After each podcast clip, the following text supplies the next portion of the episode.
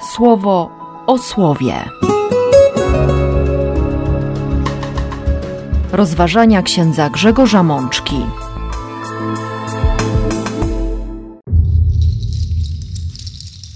Piąta niedziela zwykła, rok C. Z księgi Izajasza. Usłyszałem głos Pana. Pytał, kogo mam posłać? Kto zechce pójść do tego ludu? Odezwałem się, oto ja, mnie poślij.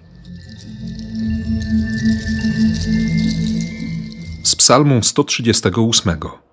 Chciałbym składać pokłony przed Twoją świątynią i wysławiać imię Twoje za Twoją łaskawość i za Twą troskliwość, bo swoje słowo wywyższyłeś ponad wszystko inne. Z pierwszego listu świętego Pawła do Koryntian. Dzięki łasce Boga jestem, kim jestem. Z Ewangelii według świętego Łukasza. Jezus odezwał się do Szymona: Nie bój się, odtąd będziesz rybakiem ludzi. Siostry i bracia, po raz kolejny spotykamy się przy słowie Boga, przy tych czterech tekstach, które stanowią oś e, przeżywania niedzieli, bo one nas prowadzą do Eucharystii, czyli do, do tego doświadczenia jedności z Bogiem, do komunii z Nim, do przyjęcia Jego planów na nasze życie, do skonsultowania z Nim naszych pomysłów na najbliższe dni. Te cztery teksty mogą stać się fundamentem do przeżycia bardzo sensownego tygodnia. I pobieżna lektura tych tekstów mogłaby sugerować, że chodzi o, o temat powołania. Pierwsze, drugie, trzecie czytanie mówi o trzech różnych, bardzo ważnych dla historii zbawienia osobach, które Bóg zaprasza, które Bóg wzywa. A jednocześnie w tych trzech czytaniach widzimy osoby bardzo słabe, biedne, grzeszne. I może warto dziś w tej liturgii dostrzec szansę dla siebie, szansę miłosiernego spojrzenia na swoje życie, na swoją historię, na wszystko, co za nami i jednocześnie na wszystko, co, co przed nami. Bo Bóg daje nam swoje słowo właśnie po to, aby nas nim umocnić, aby ono stało się światłem, dzięki któremu o wiele pewniej będziemy stawiać kroki w rozpoczynającym się tygodniu. A zatem, szósty rozdział proroctwa Izajasza. Zobaczyłem Pana siedzącego na wspaniałym, wysoko postawionym tronie. Dom był pełen jego chwały. Serafiny otaczały go kołem, każdy z nich miał sześć skrzydeł, dwoma zasłaniał swą twarz, dwoma okrywał swe nogi, na dwóch latał. Oczywiście te istoty, które opisuje Izajasz, e, serafiny, to stworzenia, które płoną. Seraf znaczy płonąć. One płoną miłością, płoną e, obecnością Boga i mają w sobie to ogromne pragnienie, niezaspokojone, niewyrażalne i niewyobrażalne pragnienie, by, by odpowiedzieć na miłość, która, która rozlewa się z tego tronu, na łaskę, na bliskość, na tę potęgę Boga, Pana siedzącego na wspaniałym i wysoko postawionym tronie. Sześć skrzydeł. Te stworzenia nie są doskonałe. Oczywiście my wiemy, że aniołowie przewyższają nas pod praktycznie każdym względem i wiedzą, i możliwością poznania, i umiejętnością poruszania się, przemieszczania się, postrzegania w ogóle rzeczywistości, i również odpowiedzią miłości. Ich odpowiedź i, i zgoda na wolę Bożą są prawie doskonałe. Oni się nie mylą. Oni nie muszą czegoś powtarzać. Dokonali wyboru albo Bożej miłości, albo odrzucenia tej miłości i, i trwają w tym wyborze. Dwa skrzydła, by zasłonić sobie twarz, by nie patrzeć na Boga z góry, by okazać szacunek Najwyższemu. Dwa skrzydła, by okryć sobie nogi. To oczywiście pewien eufemizm oznaczający zakrycie nagości.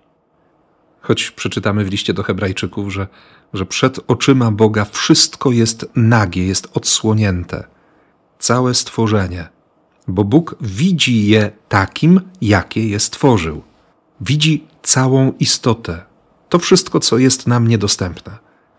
Być może Izajasz czuje się zawstydzony całą sytuacją i, i widzi tych, którzy płoną miłością Boga, jako stworzenia nienarzucające się, ukryte, oddające całą chwałę i cały majestat temu, który zasługuje na całą chwałę i cały majestat. Ten opis serafinów może pomóc znalezieniu właściwego sposobu modlitwy przez nas. Jak mamy stawać przed Panem? Tym bardziej, że Izajasz, przeżywając to wszystko i jeszcze słuchając tego hymnu Święty, Święty, Święty Pan Zastępów, Kadosz, ten, który jest oddzielony, wyjątkowy, jedyny, kiedy słucha tego hymnu, mówi do siebie: O ja nieszczęsny, jestem zgubiony. Jestem człowiekiem, mam nieczyste wargi, mieszkam wśród ludzi o nieczystych wargach. I teraz swoimi oczyma widzę króla, pana zastępów. Oczywiście odpowiedź Boga jest pełna miłosierdzia, bo momentalnie jeden z serafinów dotyka rozżarzonym węglem, wziętym z ołtarza, ust Izajasza i mówi: Dotknęło to Twoich warg, ono usunie Twoje nieprawości, oczyści Cię z Twoich grzechów. Przepięknie będzie o tym pisał święty Efrem Syryjczyk w swoim hymnie o Eucharystii, który zresztą znamy też z kilku kompozycji współczesnych, porównując ten węgiel do momentu komunii. Węgiel żarzący się na ołtarzu dotyka naszych warg. Ten mały kawałek chleba, w którym kryje się cała potęga miłości Boga. Jego miłosierdzie usuwa nasze nieprawości, oczyszcza nas z naszych grzechów nagle cała niemoc Izajasza znika. Siostry i bracia, to jest, to jest doświadczenie Eucharystii, to jest doświadczenie spotkania z Bogiem. Warto sobie dzisiaj zadać pytanie, jak my przeżywamy Eucharystię? Bóg zaprasza nas, byśmy stanęli na uczcie, byśmy stanęli w obecności Króla, Pana Wszechświata. Przychodzi, zasiada na tronie, mówi do nas, słuchamy Jego słowa przecież, rozdaje nam swoje ciało. Ci z nas, którzy przyjmują komunię świętą na rękę, czynią tron ze swoich dłoni, by przyjąć Najświętszego. To jest ten znak zewnętrzny. Ufam i chciałbym wierzyć, że, że każdy z nas, bez względu na formę przyjęcia Komunii Świętej, ma właśnie taką świadomość. Przyjmuje Pana zastępów przyjmuję ciało Boga. Moje serce ma być tronem dla Najwyższego. I ten przychodzący Bóg naprawdę nas oczyszcza. Przecież wiemy dobrze, że Komunia Święta gładzi grzechy powszednie. Usunięte zostają nasze nieprawości. Jesteśmy oczyszczeni z grzechu, bo ten Bóg lituje się nad nami.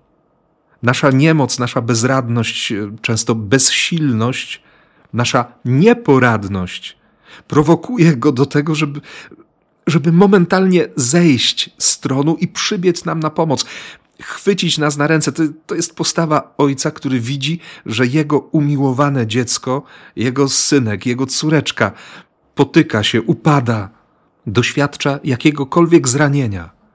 To jest ojciec, który się zrywa, by ochronić, by przytulić do serca, by posadzić na swoich kolanach. Potem usłyszałem głos Pana. Pytał, kogo mam posłać? Kto zechce pójść do tego ludu? Odezwałem się, oto ja, mnie poślij. To jest odpowiedź. To jest odpowiedź dziecka, które ufa. To jest odpowiedź człowieka, który ufa Bogu. Oto nas Pan pyta na każdej Eucharystii, tuż po błogosławieństwie kończącym mszę świętą. Idźcie. My odpowiadamy, Bogu niech będą dzięki. Tak, dziękujemy Mu za nasze posłanie za wysłanie, rozesłanie nas do naszych spraw, zajęć, do naszych domów, do naszych rodzin. On nas wysyła, wierząc i ufając, że będziemy świadkami Jego miłości. Że ten czas po Eucharystii i nasze spotkania po Eucharystii będą świadectwem, że, że jesteśmy Jego, że do Niego należymy, że przyjęliśmy Jego słowo, że potraktowaliśmy poważnie to, co nam powiedział, że wyznanie wiary było jak najbardziej serio i że komunia święta, którą przyjęliśmy, jest przez nas traktowana jak, jak najlepsze i najskuteczniejsze lekarstwo. Oczywiście nie wolno nadawać Komunii Świętej żadnej magicznej mocy. To wydaje się oczywiste, choć w dzisiejszych czasach, w tym zamieszaniu również około religijnym, związanym z rozmaitymi sytuacjami, z którymi musimy się mierzyć w świecie, trzeba to chyba wyjaśniać i tłumaczyć. Dlatego odpowiedzią na to pierwsze czytanie jest Psalm 138, którego będziemy słuchać w całości, właściwie tylko bez jednego wersetu. Mnie dzisiaj zatrzymał ten drugi werset. Chciałbym składać pokłony przed Twoją świątynią i wysławiać imię Twoje za łaskawość Twoją i za Twą troskliwość, bo swoje słowo wywyższyłeś ponad wszystko inne. Dla Boga danie słowa jest tak ważne, tak istotne i tak odpowiedzialne, że każde z Jego słów może być fundamentem ludzkiego życia. Można chwycić jedno słowo Boga i dać się temu słowu poprowadzić. Można wybrać jeden werset z Biblii i zrobić z niego fundament dla wszystkich kroków, które mamy zamiar postawić w życiu. Dla Boga danie słowa jest tak istotne, że, że kiedy będziemy czytać Księgę Rodzaju, to zobaczymy, przekonamy się, że kiedy Pan wypowiada słowo, treść tego słowa się staje. Bóg powiedział i się wydarzyło. Słowo ma moc stwórczą. Słowo Boga ma moc stwórczą. Dlatego tak ważne jest, abyśmy z szacunkiem odnosili się do Bożego Słowa. Dopiero co przeżywaliśmy w kościele niedzielę Słowa Bożego, gdzie po raz kolejny zachęceni przez papieża Franciszka staraliśmy się przypomnieć sobie, uświadomić i, i rzeczywiście zatrzymać z ogromnym szacunkiem w postawie dziękczynienia przed Bożym Słowem, przed Biblią jako osobą. Bo to Słowo, Boże Słowo, naprawdę może stwarzać i stwarza wszechświaty, stwarza nas.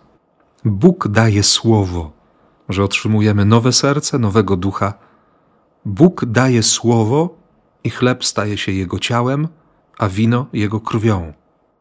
Bóg daje słowo, że nie jesteśmy mu obcy, ale jesteśmy umiłowanymi dziećmi. Bóg daje słowo, że chce nas wszystkich doprowadzić do zbawienia. I temu właśnie daje świadectwo apostoł narodów.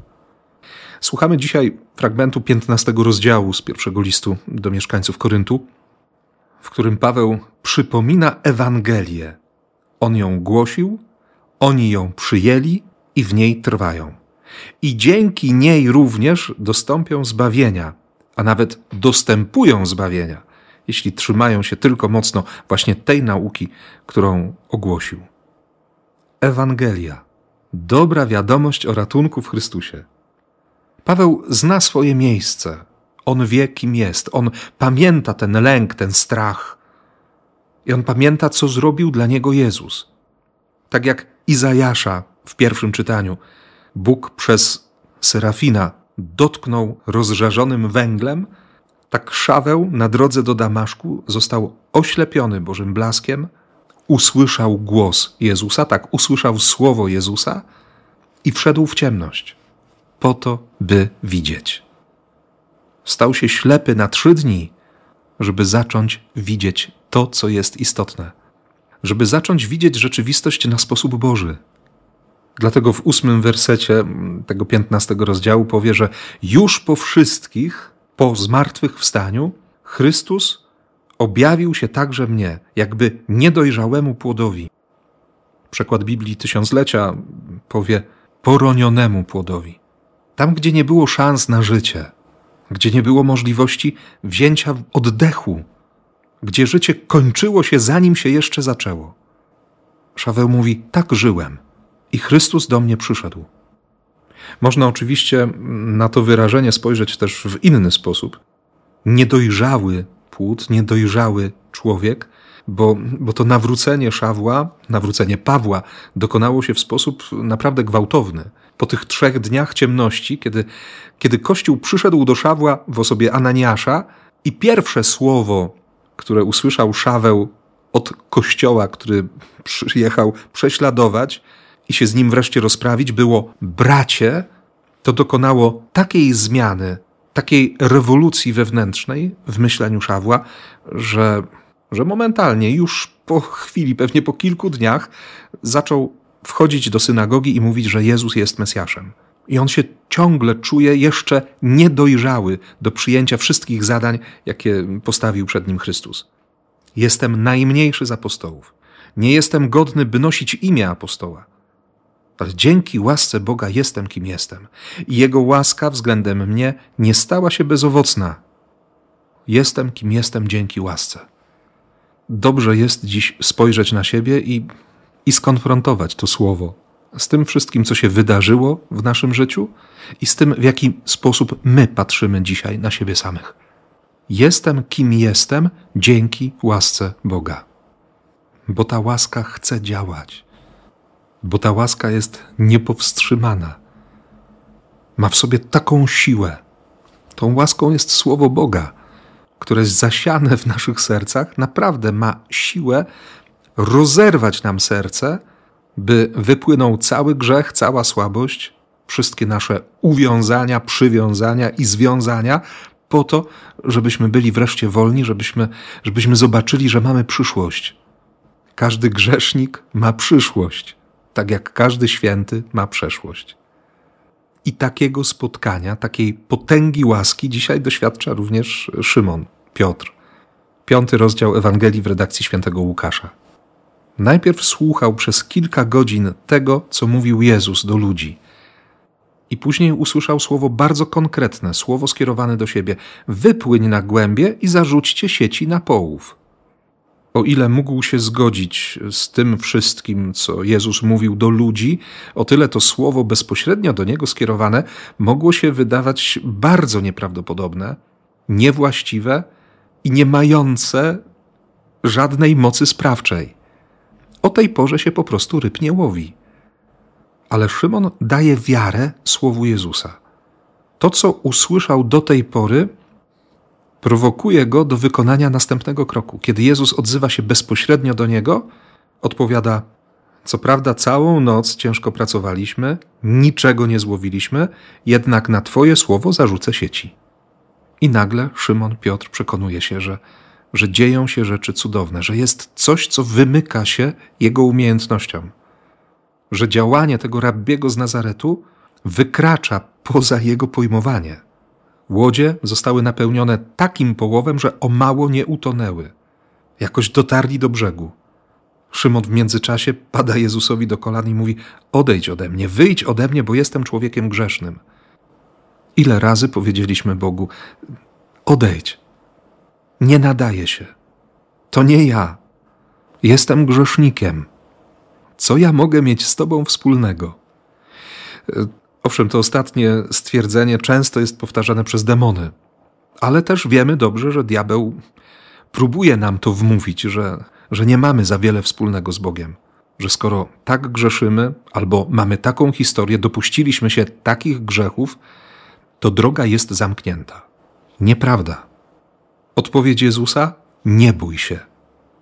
To jest słowo, którym Bóg nas karmi każdego dnia, które Bóg nam daje każdego dnia w Eucharystii. Nie bój się. Nie chodzi o to, by teraz policzyć te wszystkie nie bój się, które występują w Biblii. To nie jest ważne. Istotne jest to, że Bóg wszechmogący, jedyny Pan wszechświata, chce zabrać nasz lęk. Święty Jan napisze wyraźnie w swoim liście: Prawdziwa miłość zabiera lęk. W miłości nie ma lęku. Nie bój się. Słowo skierowane konkretnie do Piotra, do tego człowieka grzesznego, brzmiało: Odtąd będziesz rybakiem ludzi. I wszystko pozostawił. Izajasz zostawił swoje patrzenie na siebie i wyszedł trochę poza tę świadomość, że ma nieczyste wargi i mieszka wśród ludzi o nieczystych wargach, że jest człowiekiem, który nie potrafi docenić wagi i wartości słowa. Szaweł zostawił to wszystko, co robił dotychczas i, i zaczął głosić Chrystusa. Piotr zostawia te pełne łodzie i idzie za Jezusem. To pozostawić w języku hebrajskim można tłumaczyć jako szabat, zaprzestać. Bóg zaprzestał działania, zatrzymał się, zostawił działanie, po sześciu dniach stworzenia, po to, by, by spojrzeć na swoje dzieło, by zaprosić każdego z nas do kontemplacji stworzenia, do spoglądania z miłością na siebie i na innych, i na niego samego. Izajasz zostawił swoje wątpliwości, Szaweł zostawił swoją dotychczasową drogę, Piotr zostawił łodzie. Co my mamy pozostawić? Czego mamy zaniechać? Myślę, że każdy z nas, słuchając dzisiejszych czytań, gdzieś tam w sercu odkrywa, odkrywa te rzeczy, te przestrzenie, może te relacje, może jakieś wydarzenia, może jakieś wspomnienia, może grzechy, które należy wreszcie pozostawić, od których warto dać się uwolnić. Bóg daje nam dziś słowo, że można to zrobić, że On jest dalej Bogiem rzeczy niemożliwych. Prośmy dla siebie i dla siebie nawzajem o wiarę, że to się może stać. I niech się stanie. Amen. Słowo o słowie.